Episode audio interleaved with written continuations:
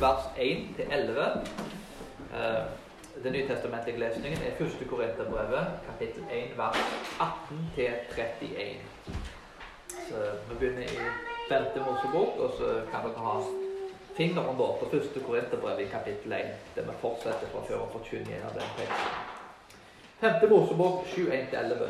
Når Herren din Gud har ført deg inn i det landet som du nå drar inn i, og skal ta i eie, driver han ut mange folkeslag for deg. Hetittene og girgasittene og am amorittene og kanarene og ferisittene og jevittene og jebusittene. Sju folk som er større og sterkere enn du. Når Herren din Gud gir dem i din vold, som vinner over dem, skal du slå dem med vann. Du skal ikke gjøre pakt med dem og ikke vise dem nåde. Du skal, bli, du skal ikke bli svoger til noen av dem. Du skal ikke gi dine døtre og hans sønner ikke til hans døtre til hustruer for dine sønner. For de vil få dine sønner til å vike av fra deg, så de dyrker andre guder. Da vil Herrens vrede bli opptent mot dere, og han vil snart gjøre ende på deg. Men slik skal du gjøre med dem. Deres alter skal dere bryte ned. Deres billedstøtter skal dere knuse. Deres astartebilder skal dere hogge i stykker, og deres utskårne bilder skal dere brenne opp med ild. For et hellig folk er du for Herren din Gud. De har Herren din Gud utvalgt av alle folk på jorden til å være hans eiendomsfolk. Ikke fordi dere var større enn andre folk, fant Herren behag i dere, så han utvalgte dere.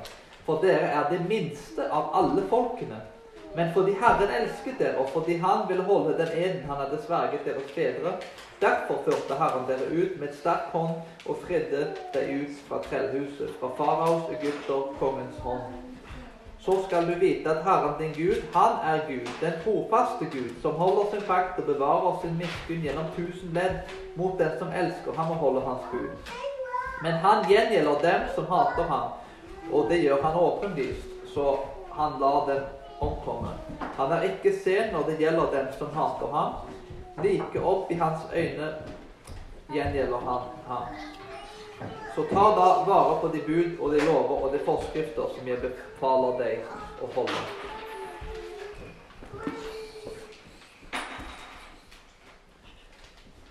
For ordet 1. Korinterbrevet 18-31. For ordet om korset er vel en dårskap for dem som går fortapt. Men for oss som ble frelst, er det Guds kraft. For det står skrevet:" Jeg vil ødelegge de vises visdom, og de forstandiges hjerte vil jeg gjøre til intet. Hvor er en visdom, hvor er en skriftlærd, hvor er en forsker i denne verden? Har ikke Gud gjort verdens visdom til dårskap?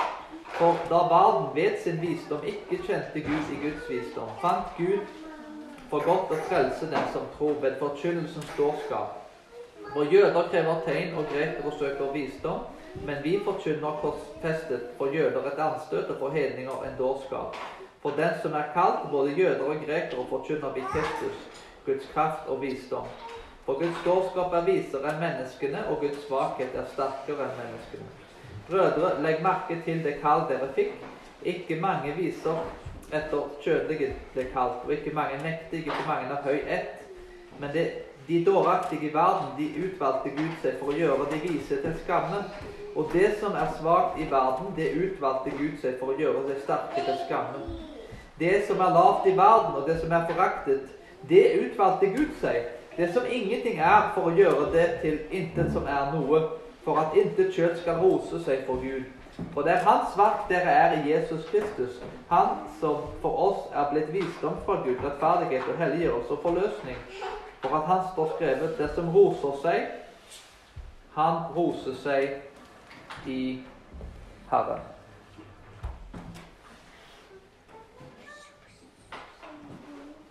Hele Skriften er innåndet av Gud og nyttig til lærdom, til overbevisning, til rettledning og opptuktelse i rettferdighet. Og så svarer dere det der står folket. For at Guds menneske skal være fullkomment, satt i stand til all god gjerning.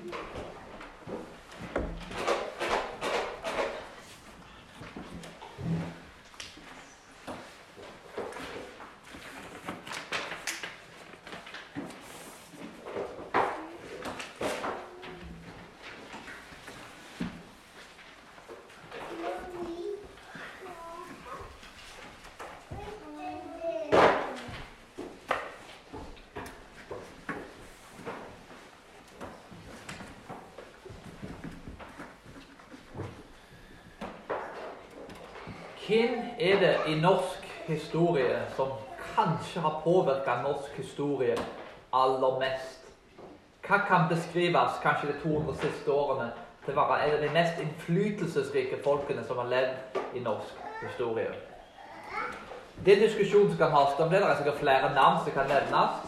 Men det er ikke tvil om at Hans Nilsen Hauge har vært en av de, de, viktigste folkene i moderne norsk historie. Det er ikke noen overdrivelse at Hans Nilsen Hauge er Norges moderne far når det kommer til grunnleggelsen av det moderne Norge. Halvparten av Norge på, på sin tid leste Hans Nilsen Hauge sine bøker. Enormt med mennesker ble påvirka av bedehusfellesskapene og de kristne fellesskapene som han oppretta. Enormt mange folk er påvirka av bedriftene som han oppretta arbeidsetikken og pietismen som han var med og var en pådriver bak. Dette var ting som sto veldig sentralt, og som vi høster fruktene av den dag i dag. Hvem var Hans Nilsen Hauge? Det er et godt spørsmål som vi må spørre oss sjøl om. Var han en lærde mann? Var han en politiker? Var han en, en, en mektig kongesønn? Var han en hersker over Norge? En sånn mann tenker jeg, måtte jo hatt enormt med penger, enormt med makt og enormt med innflytelse for å klare å gjøre alle disse tingene. Hvordan kan Gud ta en sånn fyr og, og bruke han til sånne ting? Det må være en utrolig mektig fyr. Nei, Hans Nilsen Hauge var en lutfattig bondegutt som sto i åkeren og plødde med, med, med skitne hender ifra åkeren. Det var denne mannen som Gud valgte ut til å være med og forme det moderne Norge. Og Det er utrolig mye forskning i disse tidene, spesielt med Hans Nilsen Hauge-jubileum, som, som, har dokumentert grundig at Hauge har hatt en enorm påvirkning på det norske samfunnet. Gud tok en mann som var fatt, en fattig bondegutt, for å gjøre det vise til skamme. Hans Nissen Hauge ble forfulgt av elitene, av prestene og av det mektige. Dette var en tid i Norge der de ikke hadde en velferdsstat. Det var en tid i Norge der Norge var klassedelt. Og kårene for arbeidere og vanlige folk ikke var helt sånn som de er i dag. Men her altså tok Gud en mann som ingenting var i verdens øyne. Han forkynte ulovlig mesteparten av livet sitt og ble fengsla, torturert og behandla helt forferdelig. Men denne mannen ble brukt som et instrument i Guds hender og forvandla det moderne Norge. I dag har vi høsta den frukten av Hauge, uavhengig av om vi vet hvem Hauge er. Og det går tilbake til tittelen i, i dagens tale. Guds styrke og vår svakhet. Vår svakhet er Guds styrke. Hvis det er en mann som har manifestert disse prinsippene bedre kanskje enn noen andre, så må det være Hans Nilsen Hauge. Paulus skriver et brev til korinterne her for å gjenopprette kirka tilbake til det opprinnelige grunnlaget. Vi har gått inn på de alle de ulike tingene så langt. Eh, de tingene som Paulus mener er viktige for å gjenopprette kirka. Og i, i, disse versene så mener jeg at det som oppsummerer de versene vi går gjennom i dag, aller best, er at vår svakhet er Guds styrke. Og det trenger en for å gjenopprette kirka. Paulus bruker dette for å vise korinterne hvordan de skal leve, hvordan kirka kan komme tilbake til sitt opprinnelige grunnlag. Og det er tre ting som vi påpeker dette med vår svakhet og Guds styrke. Det første er korsets kraft, vers 18-19. Nummer to Svakheten til, til Gud er visere og sterkere enn oss. Vers 20-25. Nummer tre La ingen skryte om at de er i Herren. Vers 26-31 eh, i kapittel 1. Altså er kapittel 1. Vi hopper inn i den første tingen først. Korsets kraft. I vers 18 så står det For ordet om kors er vel dårskap for den som går fortapt, men for oss som ble frelst, er det en Guds kraft. For det står skrevet jeg vil ødelegge de vises visdom, og de forstandiges forstand vil jeg gjøre til intet. Romerne hadde et veldig lavt syn på korsfestelse. Jeg tenker ofte at korsfestelse var liksom en alminnelig ting. Nei, korsfestelse var designa for å påføre folk mest mulig smerte, for å dø senest mulig. Og det var en ufattelig god måte å torturere folk på. Det var den verste straffen for de verste kriminelle. Jødene så på dette som skamfullt romerne tenkte den verste fyren vi kan finne, han korsfester vi. De verste røverne. Så det du korsfesta, så var du sett på som en, som en helt grusom person. En frelser derimot i Romerriket var mektige konger, guder, rike folk og mirakelarbeidere. Det å gjøre en Messias, altså en korsfesta Messias, altså en, en, en leder og en frelser, å gjøre han om til en mann på et kors, er for romerne så absurd og, og så sjukt at du, du, du, du, kan nesten si liksom at du tar han minste fyren i rommet og, og, og sender han liksom til den sterkeste fyren og sier at uh, disse to folkene bør slåss. Det, det, det er for romerne helt absurd. Det, det, går ikke an nesten å forstå den tanken. Altså, det, blir, det er en vits. Messias kommer på et kors. De, de, de, hadde aldri klart å koble det, at det er mulig å foreslå noe så dumt. Det tåpeligste forslaget som noen kunne kommet med. Romerne respekterte ikke folk som ble korsfesta. De korsfesta folk. De respekterte makt. Herodes den store drepte familien sin. Kjemperespekt blant romerne. Dette var den beste fyren, for han knuste fiendene sine. For romerne er det latterlig med korsfestelse. Det Paulus prøver å gjøre her, er å erstatte en hedenske forståelse av ting med en kristen forståelse. Det er klart at Korint er mer påvirka av Hellas og Romerriket her enn Guds ord. Vi ser også her en henvisning til Jesaja 29, 14, der det er en eskatologisk dom, eller en endetidsforståelse, der korset da, og Jesus er noe som blir fullbrakt, noe som kommer inn. Endetidsforståelsen er begynt og vil fortsette til Kristus kommer igjen. En forståelse der Guds visdom, det å være tjener, er større enn det å være hersker. Det å dø på et kors er det største. Det er en helt ufattelig ting. Men tenk, dette tar vi som en selvfølge i Norge, at korset kan være en bra ting. Men uh, det var ikke sånn for romerne. Men en som sa til meg en gang at det var kun i, i, i kristne settinger at det var et kompliment å, å bli kalt en tjener. Og, og den husker jeg alltid, aldri glemt det i etterkant. Eh, for uh, reist mye ulike kulturer. Og du kaller folk tjenere. og Du kan ta en liten test på det der. Gå rundt i ulike kulturer. og og du er litt av en tjener. Og det blir ofte ikke tatt på som en kompliment. Det er en løgn ting å tenke på. Men å bli kalt tjener kan ofte være faktisk en, en ganske grov fornærmelse. Det, vanligvis tenker du at folk er Ja, du er en konge liksom, eller dronning, eller du liksom Du refererer til folk med, med en høy status. For nettopp gjennom historien så har dette herska vært normen. Den rå makten vi ser i Romerriket, er normen. Det er ikke unntaket historisk. Det er heller ikke unntak i dagens kulturer. Mange kulturer i verden respekterer rå makt. Vi kaller våre ledere for statsministre. Det engelske ordet 'minister', altså statstjenere. Noe som da henter rett ut fra Bibelen. I Markus 10,45 så står det at 'Menneskesønnen kom ikke for å bli tjent, men for å tjene andre' og for å gi livet sitt til mange. Og dette er jo en forståelse som er så utrolig i strid med det Paulus skriver til korinterne her. Israel var kolonisert av romerne. Altså et land som var undertrykt og kolonisert. At Messias skulle komme ut av et kolonisert land som ikke hadde makt. Og så forteller du dette til et folk som respekterer makt. Det går ikke an nesten å, å dikte det opp.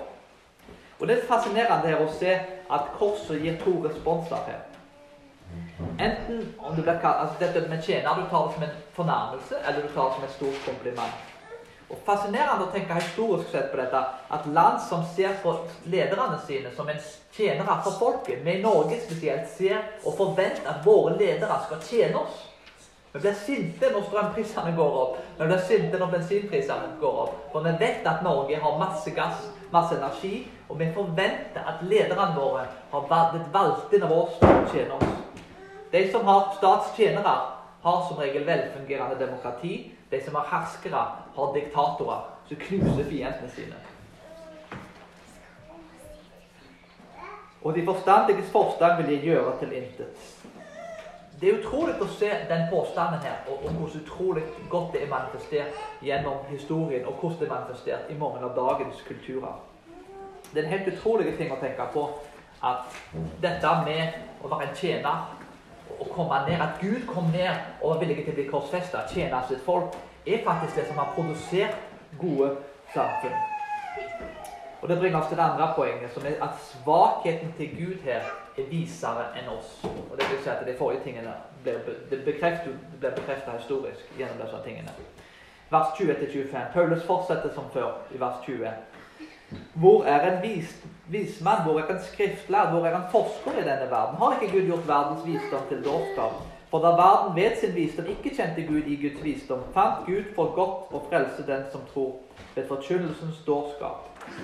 Paulus bruker ironi her for å fremme sitt poeng. Og i gresk litteratur så var det vanlig at helten lata som han var dum for å komme ut som en visekar mot slutten.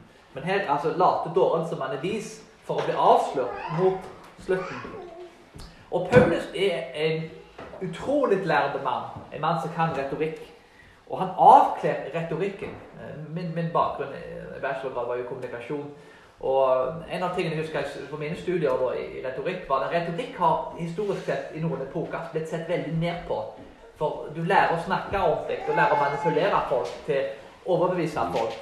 Og få reaksjoner og vekke opp følelser i folk. Og det kan bli brukt som et middel, spesielt av politikerne, der en er med faktisk å manipulere folk til å få folk til, å tro de tingene du tror. Så Dermed så blir retorikken av og til sett ned på. For det er veldig basert på menneskets evne til å overbevise. Eh, menneskelig talent og menneskelig visdom. En kan manipulere folk til å få en viss respons. Paulus Nå er ikke imot retorikk, bare så det er sagt, og det tror jeg heller utgangspunktet Paulus ikke er. Men han avstører visdomslæreren i kulturen som bruker retorikk til å gjøre negative ting. Guds visdom er ikke det samme som verdens visdom. Og korset er i strid med verdens visdom. Og Gud her vil gjøre ting på en helt annen måte. Han vil ikke bruke det fantastiske eh, talegaver og, og fantastiske formidling. Han vil bruke korsets kraft til å være med og, og avkle verdens visdom. Vers 22-23. For jøder krever tegn, og grekere søker visdom. Men vi forkynner Kristus korsfestet for jøder et anstøt, og for hedninger et dårskap. Problemet med jødene og grekerne her er at de begge hadde et stengt sinn som var blinde av deres egne tradisjoner av måten de tolker rasjonalitet på. Jøden krever tegn. Eh, Moses deler Rødehavet. Jødene hadde jo venta en, fysisk Messias med jernstav som kommer da når Jesus kom igjen for andre gang. Han skulle komme inn og dele Romerriket på samme måten som, eh, som Moses delte Rødehavet. Han skulle sette jødene i posisjon der de kunne styre sammen med ham. I Israels historie så ser vi mirakler med profetene og med Moses og med mange andre. De får på miraklene. Messias måtte jo komme og gjøre masse mirakler. Grekernes største mål var visdom. Aristoteles mente at visdom da, i seg selv var kanskje den aller viktigste, den store filosofen. Men det har mer med status og innflytelse å gjøre. Du får visdom. Altså Visdom på, på, betyr altså broderlig kjærlighet til visdom er det filosofi faktisk betyr da, på det opprinnelige språket. Men, men grekerne i stor grad søkte visdom da, for å bygge seg sjøl opp, ikke for å bygge Gud opp. At en da var mer sivilisert, en var bedre enn andre, en var mer kunnskapsrik, en tenkte klarere, en hadde mer logikk og andre ting. Og dermed også var en et hakk bedre enn andre folk. Så de kan bruke til en sjølhevdelse. Et av problemene er at grekerne og jøden setter opp kriteriene og definerer Gud ut ifra deres egne regler. De bestemmer, og det er ikke Gud som bestemmer. Men dårskapen her er jo at arrogansen til mennesket gjør at den gjør opprør imot dem med disse tingene. Jøder og romere og grekere tenkte sånn at et godt rykte Det går ikke an å kombinere et godt rykte med å bli korsfesta. Altså, en korsfesta Messias altså Ryktet til Jesus var ødelagt. Denne mannen kunne jo ikke være Messias. Så det er akkurat det motsatt i måten de definerer visdom og rasjonalitet på. Dette kan ikke være verdens frelser. De var begrensa av deres egen forståelse. Deres arroganse hadde villeda dem. Vers 24-25. Men for den som er kalt både jøder og grekere, forkynner vi Kristus, Guds kraft og Guds visdom, for Guds dårskap viser at menneskene og Guds svakhet er sterkere enn menneskene. Løsningen på denne dårskapen er jo Kristus. Kirkefaren eh, John Christensen, da, som var kalt den gylne tungen da, i kirkehistorien, sier noe veldig interessant i en kommentar. Han sier at eh, han presenterte det folk det motsatte av det folk vil ha og forvente. Men det er nettopp det som overbeviser dem til slutten. Han går inn og presenterer til folk det motsatte av det de forventer. Det motsatte av det de vil ha. Og det er nettopp det som overbeviser dem til slutt. Kan du tenke deg sjøl du er invitert til en politikerkonferanse. Alle har visse forventninger, og han er kjent for det og det. Og så kommer du inn, og så gir du folk akkurat det motsatte av det de vil ha, og de forventer. akkurat det motsatte av det de vil ha og det de forventer. Og det er nettopp det til slutt som er med å overbevise folk. Det velter jo om hele måten vi tenker på. Alt som vi tenker men vi klarer nesten ikke å fatte at det er mulig nesten å foreslå noe så dumt. Men denne kommentaren er, er faktisk geniale. For vi er arrogante og stolte av natur. Og i politikken vår er dette herska normen. Evangeliet gir oss en, en holdning som fremmer ydmykhet. Og Guds rike da er jo ikke av denne verden. Og korsfestelsen er så absurde. Altså, Du kan ikke dikte det opp. Det går ikke an å komme med noe så dumt der, kan du uten at det er sant. Det er visse ting som er så utrolige at de er bare nødt til å være sant. Korset til Jesus er så absurd for romeren og grekeren og jøden at det faktisk er nødt til å være sant. Og dette er et av poengene da, til John Christensen. Det er noen ting som er så ekstreme at du kunne bare ikke funnet Du kunne ikke funnet det opp. Og at et sånt budskap skal erobre Romerriket Vet du hva tegnet til Romerriket var? Ørnen på legionen. Ørnen er et rovdyr når eh, Den hellige ånd kommer ned på Jesus når han ble døpt i elven av Johannes døperen. Det er ei due. Ei due er et byttedyr. Dua vant over ørnen. Jesus og Guds rike vant over det mektigste riket som har kanskje eksistert gjennom verdenshistorien. Romerriket er der ikke lenger. Det er ikke noen som, som er romere i den gamle forstanden. Men det er mange kristne.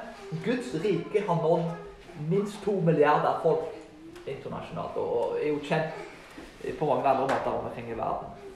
Og det riket har eksistert nå i over 2000 år. Romerriket er falt, men Guds rike består fortsatt.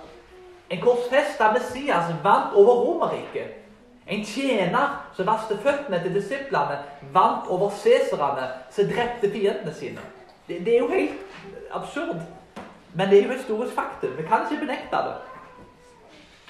Korset til Jesus er ikke det romerne eller grekerne eller jødene vil ha. Det er ikke alltid det vi vil ha, men det er det vi trenger. Vi vet innerst inne at det er sant, og vi trenger det. Og det er her overbevisningen ligger. Jeg vil synde. Det er det jeg ønsker å gjøre. Men jeg vet at syndene er dårlige og negative for meg. De vil skade meg sjøl og folk rundt meg. Jeg trenger Kristus. Jeg trenger det budskapet som er i Skriften. Jeg vil ikke alltid ha det, men jeg trenger det. Og Det er der overbevisningen om korset ligger. Folk vet innerst inne at natur så, så er vi ikke gode. Men den korsfesta Messiasen er med å representere det motsatte av det vi er. Og dermed så, så er det med å skape en indre forvandling i oss som gjør at vi klarer faktisk å se at vi trenger dette, til tross vi ikke alltid vil ha det. Hvordan kan vi forholde oss til disse tingene etter dette med visdom? Hva er koblingen mellom dette med tro og viten? Det er jo et, et spørsmål her. Er det sånn da at alt som vi leser fra romerne grekerne, er negativt og, og, og sånn? Reformatorene var veldig lærde folk. De var folk som kunne mye om, om Bibelen og mange andre evner. Dette var humanister da, i den gamle forstand. Folk som da trodde på Gud. Det var ikke artister, åpenbart. Men folk som kjente til de humanitære fagene. Reformaterne var lærde menn, men de hadde antatt at syndefallet hadde påvirka intellektet og fornuften. Og dette gjorde da at fornuften, måten den ble brukt på, kunne veldig lett lede til avgudsdyrkelse. Problemet er ikke den verdslige visdommen. Problemet er ikke at tro og fornuft er i konflikt med hverandre, for det er de jo ikke. Men det er jo at vi skal underlegge alt Bibelens autoritet. Det er fire måter dette blitt praktisert på historisk. Det første er at filosofien styrer teologien. Nummer to filosofien integreres med teologien. Det var vanlig til middelalderen med Thomas Aquinas. Så teologi og filosofi ble liksom en, en vevd sammen i ett fag. Filosofi er teologi, da, var en annen måte som har vært en uvanlig måte å gjøre det på. Men det fjerde da, at filosofien underlegges Bibelens autoritet. Filosofi og fornuft fantastisk masse flotte ting som er skrevet av folk som ikke er kristne. Eh, masse sekulære forfattere. Jeg leser veldig bredt sjøl og vil oppmuntre alle andre til å gjøre det. Men vi må alltid huske på at må, vi kommer ikke foruten det spørsmålet at det vil alltid være én autoritet til slutt. Det er mange vise tanker. Folk kan observere tingene i verden og komme til fantastiske konklusjoner uten å ha en bibel. Og vi kan lære masse av de tingene. Men til slutt så vil du alltid komme til en endelig autoritet. Vi har mye å lære av filosofer og, og visdomslærer, alt dette her. Men Bibelen må alltid være vår endelige autoritet og regulere tro, vår tro og vår atferd. Og, hvis vi er konsekvente med de tingene, så vil jo både forskningen og troen være forenlige med hverandre. Bibelen forteller oss ikke i detalj hvordan vi skal gjøre alle tingene. Han gir oss prinsipper å jobbe ut ifra, og noen ganger lover å jobbe ut ifra. Og alle disse tingene kan en da undersøke og granske gjennom forskning og andre ting. Det er jo en fantastisk ting. Og Forskerne gjennom historien og vitenskapsmennene tenkte ofte sånn at jeg har to bøker.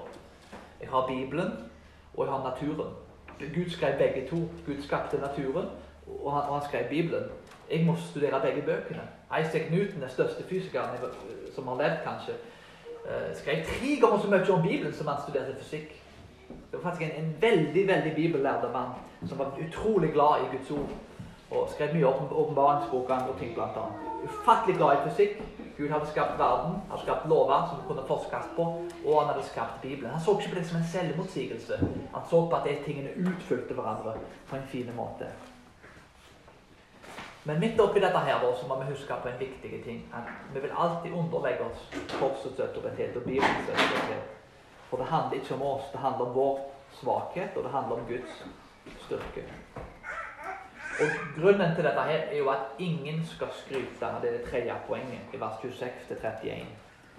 Brødre, legg merke til det kall dere fikk. Ikke mange vise etter kjødet ble kalt, ikke mange mektige, ikke mange av høy ett. Men de dåraktige i verden, det utvalgte Gud seg for å gjøre oss til skamme. Og det som er svakt i verden, det utvalgte Gud seg for å gjøre det sterke til skamme. Det som er lavt i verden, og det som er foraktet, det utvalgte Gud seg. Det som ingenting er, for å gjøre det til intet som er noe. Frelsen kom ikke som et resultat av gjerningene våre. Hvorfor valgte Gud Israel? Var det fordi de hadde masse Goliater på laget sitt? Masse kjemper som kunne være for dem? Skikkelig høye og svære folk som kunne vinne krigene for dem? Nei, det var for Israel var et ubetydelig, et lite folk. Det var ingenting spesielt med Israel. Abraham var en hedning. En helt ubetydelig hedning som, som, som, ikke hadde noe spesielt viktig å si og gjøre. Det var Gud som gjorde Abraham til det han var. Det var ikke Abraham i seg sjøl som var den viktige personen. På samme måten som Israel ble et folk, så Gud tok en, en, gråstein og gjorde han om til gull. Det er Gud som har ære for disse tingene, ikke folket. I Bibelen så velger ut Gud det svake til å gjøre det sterke til skamme. De fleste korinterne mangla visdommen. Følelsen at det var ikke så mange av dere her som var av høy ett. Det var ikke så mange av dere som var mektige, rike og fantastiske. Det var mange av dere som var små og svake. Og det var mange som ikke hadde så mye skryt av. De hadde ikke etnisk renhet. De var ikke like rene som jøden etnisk. De hadde ikke romerens makt. De hadde ikke uh, filosofen og, og grekerens visdom. Ingen av de tingene hadde de. Men de hadde det at de var valgt ut av Gud, av nåde alene. Og at det er unaturlig og revolusjonerende at et lavstående menneske blir like rene som en mektig person i Kristus. Dette med likhet som vi holder så høyt i Norge, er noe av det minst sjølinnlysende som eksisterer. Mm, eh, Noah Harari, Yuval, eller Yuval Noah Harari, en av de mest kjente sekulære forfatterne. Han er jo en, en artist. Men eh, du ser mye av bøkene med bokhandlerne hans, han skriver bl.a. i den boken Homo sapiens at ulikhet er sjølinnlysende. Ulikhet, likhet er noe vi har fått fra kristendommen.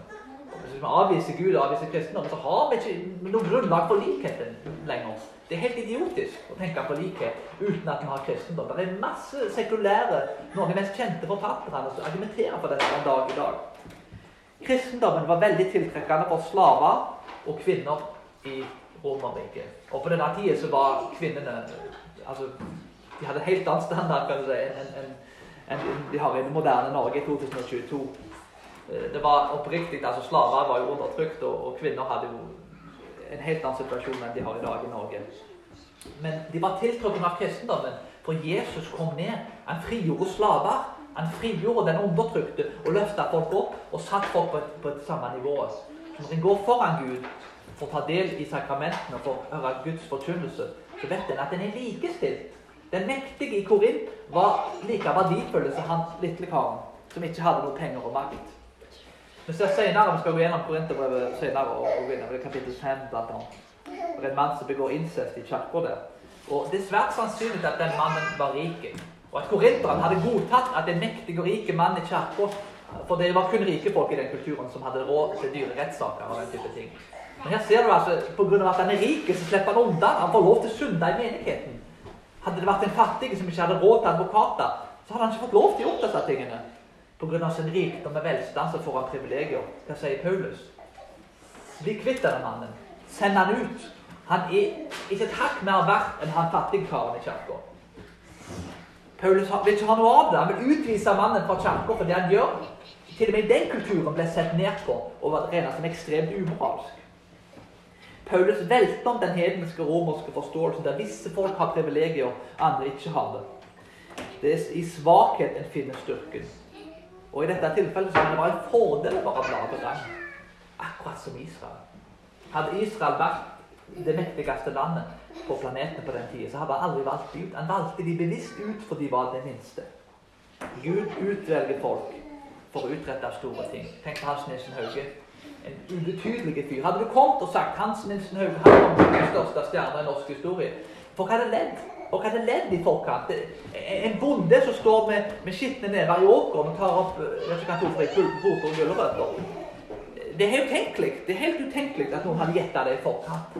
Men han sa han fikk en visjon av Gud, og han skulle forkynne evangeliet. Og det har hatt ringvirkninger etterpå. Enorme ringvirkninger. Så er Vi da her i at, uh, vers 29 til 31. For at ingen kjøtt skal rose seg for Gud, for det er Hans verk at dere er i Kristus Jesus. Han som for oss er blitt visdom fra Gud, rettferdighet og helliggjørelse og forløsning. For at det som skrevet står, den som roser seg, han skal rose seg i Herren. Alt dette ender opp med at en skal ikke rose seg sjøl. Israel hadde ikke noe å skryte av. Det var Gud som, som, som lagde Israel. Tok ut av ingenting. Det var Gud som, som skal bli rost for de tingene. Det var Guds visdom. Det var ikke Israels visdom. Og hva er denne visdommen? Bare å sette opp noen flere kontraster. Hva er forskjellen på Guds visdom og verdens visdom? Den korsfesta Messiasen kom inn i en kultur og en verden der barnedrap var vanlig. Generaler skrøtte til folk. Jeg drepte 3000 stykker. Applaus. Godt jobba. Jeg skulle ønske du hadde drept flere folk. Altså, det, det, det, ble ikke sett ned på. Folk skrøtte av det. At de drepte tusenvis av folk. Migranter fra andre land, hvis de hadde drukna, så hadde romerne sannsynligvis syntes det var en bra ting. Så slapp de å drepe dem på egen hånd og korsfeste dem. Å gi til de fattige ble sett på som noe du gjorde for å bygge opp ditt eget rykte. Bibelen forteller oss at vi skal gi til de fattige i det skjulte. For romerne er det utenkelig. Du gjør det ikke i det skjulte, du gjør det offentlige, som folk kan se på kjekt og snillige. De fattige ble, kunne bli brukt som et middel til å bygge opp ditt eget rykte. Slaveri var universelt og var ikke noe problem. En keiser torturerte to slavekvinner for å få informasjon. Prøv å se for deg sjøl at uh, Erna Solberg og Gahr Støre, uh, statsministeren vår, hadde torturert to kvinner for å få informasjon. Det, det, det er utenkelig. Det er helt utenkelig at, at, noen av våre ledere hadde gjort noe sånt. Det, det er helt, altså, de hadde jo ikke hadde, Vi tror ikke på dødsstraff i Norge, men i et sånt tilfelle tror jeg mange faktisk hadde gått bak dødsstraff. Det, det, det er helt utenkelig. Romerne respekterte det. De så på det som en bra ting. Den romerske forfatteren Plini så ikke på dette som noe problem. Keiseren er tross alt herskeren. Han har rett til å torturere to slavekvinner. Ingen problem. Vi ser folk bli drept på TV, mens der er Hunger Games. Altså, Hunger Games er det real games. skulle si. Altså, det var jo ekte. De så Hunger Games. Så har sett de filmene og spøkene.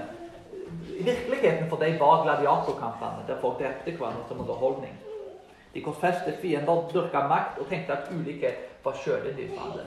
I dette riket Messias kom inn og velte om disse tingene. Men er glad for at Messiasen som kom, ikke var en hersker, men at han var en korsfesta Messias. For at vi slipper å leve i en kultur der de praktiserer disse tingene. Takk og pris for at Jonas Gahr ikke torturerer slavekvinner. Takk og pris for det. Det er jeg veldig glad for. Takk og pris for at det er utenkelig at det kunne skjedd i norsk kultur. Men det er jo nettopp dette at Guds rike er ikke av denne verden. Guds visdom står imot verdens visdom. Og Hva er det som gjør dette mulig, for å komme til en avslutning her? det er mulig på grunn av Kristus. Han er vår rettferdiggjort, eh, sorry, rettferdiggjørelse, og det er i ham vi blir rettferdiggjort. Han er vår helliggjørelse, og det er Hans nåde vi må hvile. For Gud gjør at vi blir kontinuerlig fornya i ham. Han er vår frelse, og vi blir frigjort fra syndene gjennom ham. En korsfesta Messias er vår frelse. For romerne var en røver. Røveren til romerne er blitt vår frelse. Det er den forståelsen som velter maktsforståelse som romerne har. Det er denne forståelsen som gjør at fattig, rik, kvinne, menn, greker og jøde, hvem enn det er, vi er like foran Gud. Det betyr ikke, ikke at vi liker da, i en sånn identiske forstand, som det ble sagt i dag. Det er jo åpenbart forskjeller mellom kjønnene og sånne ting. Men vi har, vi har like status foran Gud. Gud mener at vi liker like verdifulle. Mitt rike, sier Jesus, er ikke av denne verden. Og Gud kan bruke folk uavhengig av status og makt og påvirkning. Vår svakhet er Guds styrke. Når vi blir små, så blir Gud store. Og når vi ser på disse tingene, hva kan en avslutte med her? Og enda med hvordan kan en anvende disse tingene i dag? For Norge er så sterkt påvirka av kristne verdier at, at det, om du er en hardbark ateist, lever du faktisk med kristen tankegods i Norge. Uavhengig av hva du gjør. Men, men, hva gjør en da når en lever i en kultur Vår kultur har jo gått akkurat til motsatt vei. Det er ikke å herske nå som er det viktige. Det er jo nettopp dette med å være et offer. Så vi har svingt over til den motsatte sida. Vi hadde egentlig på en måte det motsatte problemet som romerne hadde. Jeg hadde en diskusjon i går og snakket litt om eh, når, jeg var ung, liksom, da tenkte jeg at eh, jeg skulle nesten ønske meg til at jeg hadde endt liksom i avgrunnen, og så, og så hadde jeg kommet helt opp. Og så hadde jeg hatt et stort vitnesbyrd og delt med folk. Men at jeg hadde vært det største offeret, jeg kunne blitt løftet opp som, som han som Gud hadde liksom forandra helt og forvandla livet til. Så, I dag er det jo blitt sånn at det, det, er jo en fantastisk ting å være en offer. Og det har vippa nok i stor grad kanskje over altfor mye til den andre sida. Så vi har faktisk løgnet opp det motsatte problemet av det romerne har. Vi må, med, dette med feminine og maskuline verdier. Vi trenger en balanse mellom de tingene. En hurde, som Calvin sa. Han har to røster. Én til å skremme ulven, og én til å rope et sauene inn en, en, en mann f.eks. kan være med og, og, passe på folk, men samtidig så skal han forsvare familien sin. Så det, det er mange, det er balanse her som vi må gå inn i. Vi må se at det er balanse i måten ting blir gjort på. Så det er bare et offer betyr ikke at en har lov. En skal snakke sant og si sanne ting, men en skal gjøre det på en kjærlighetsfull og pastoral måte. Det handler om å være balansert i disse tingene. Så vi har igjen det motsatte problemet av romerne. Det har kanskje vært et stort, for stort fokus på dette å være et offer og være en tjener. Så vi må på en måte komme til en bibelsk forståelse av ting. Jesus er en løve, og han er en lam. Han ble beskrevet som begge deler i Bibelen. Jesus gikk inn i tempelet og velta border. Hvis kirken ikke hadde likt i dag og kommet, så hadde han gått inn og velta stoler. Og det er en tøffing, da. Det er ikke, det er ikke noe svak fyr. Men samtidig så helbreder han folk. Han preda og viste veldig omsorg for folk. Og begge de tingene der er bibelske. Men uansett så må vi alltid se at vår svakhet er Guds styrke. Og midt oppi dette her så må vi gjøre Gud til den som er stor. Og vi må bli gjennom ned, sånn at Gud kan bli løfta opp. At det er hans visdom og hans forståelse av ting som vil korrigere vår kultur. Uavhengig om det er på venstre, midten eller høyre side politisk. La oss fokusere dette og ha Guds storhet i styrke og be om at vi kan bli mindre, så at han kan bli større. På samme måte som Israel, på samme måte som korinterne og på samme måte som Hans Nilsen Hauge. La oss ha dette i fokus når vi ber. La oss be. Himmelske Far.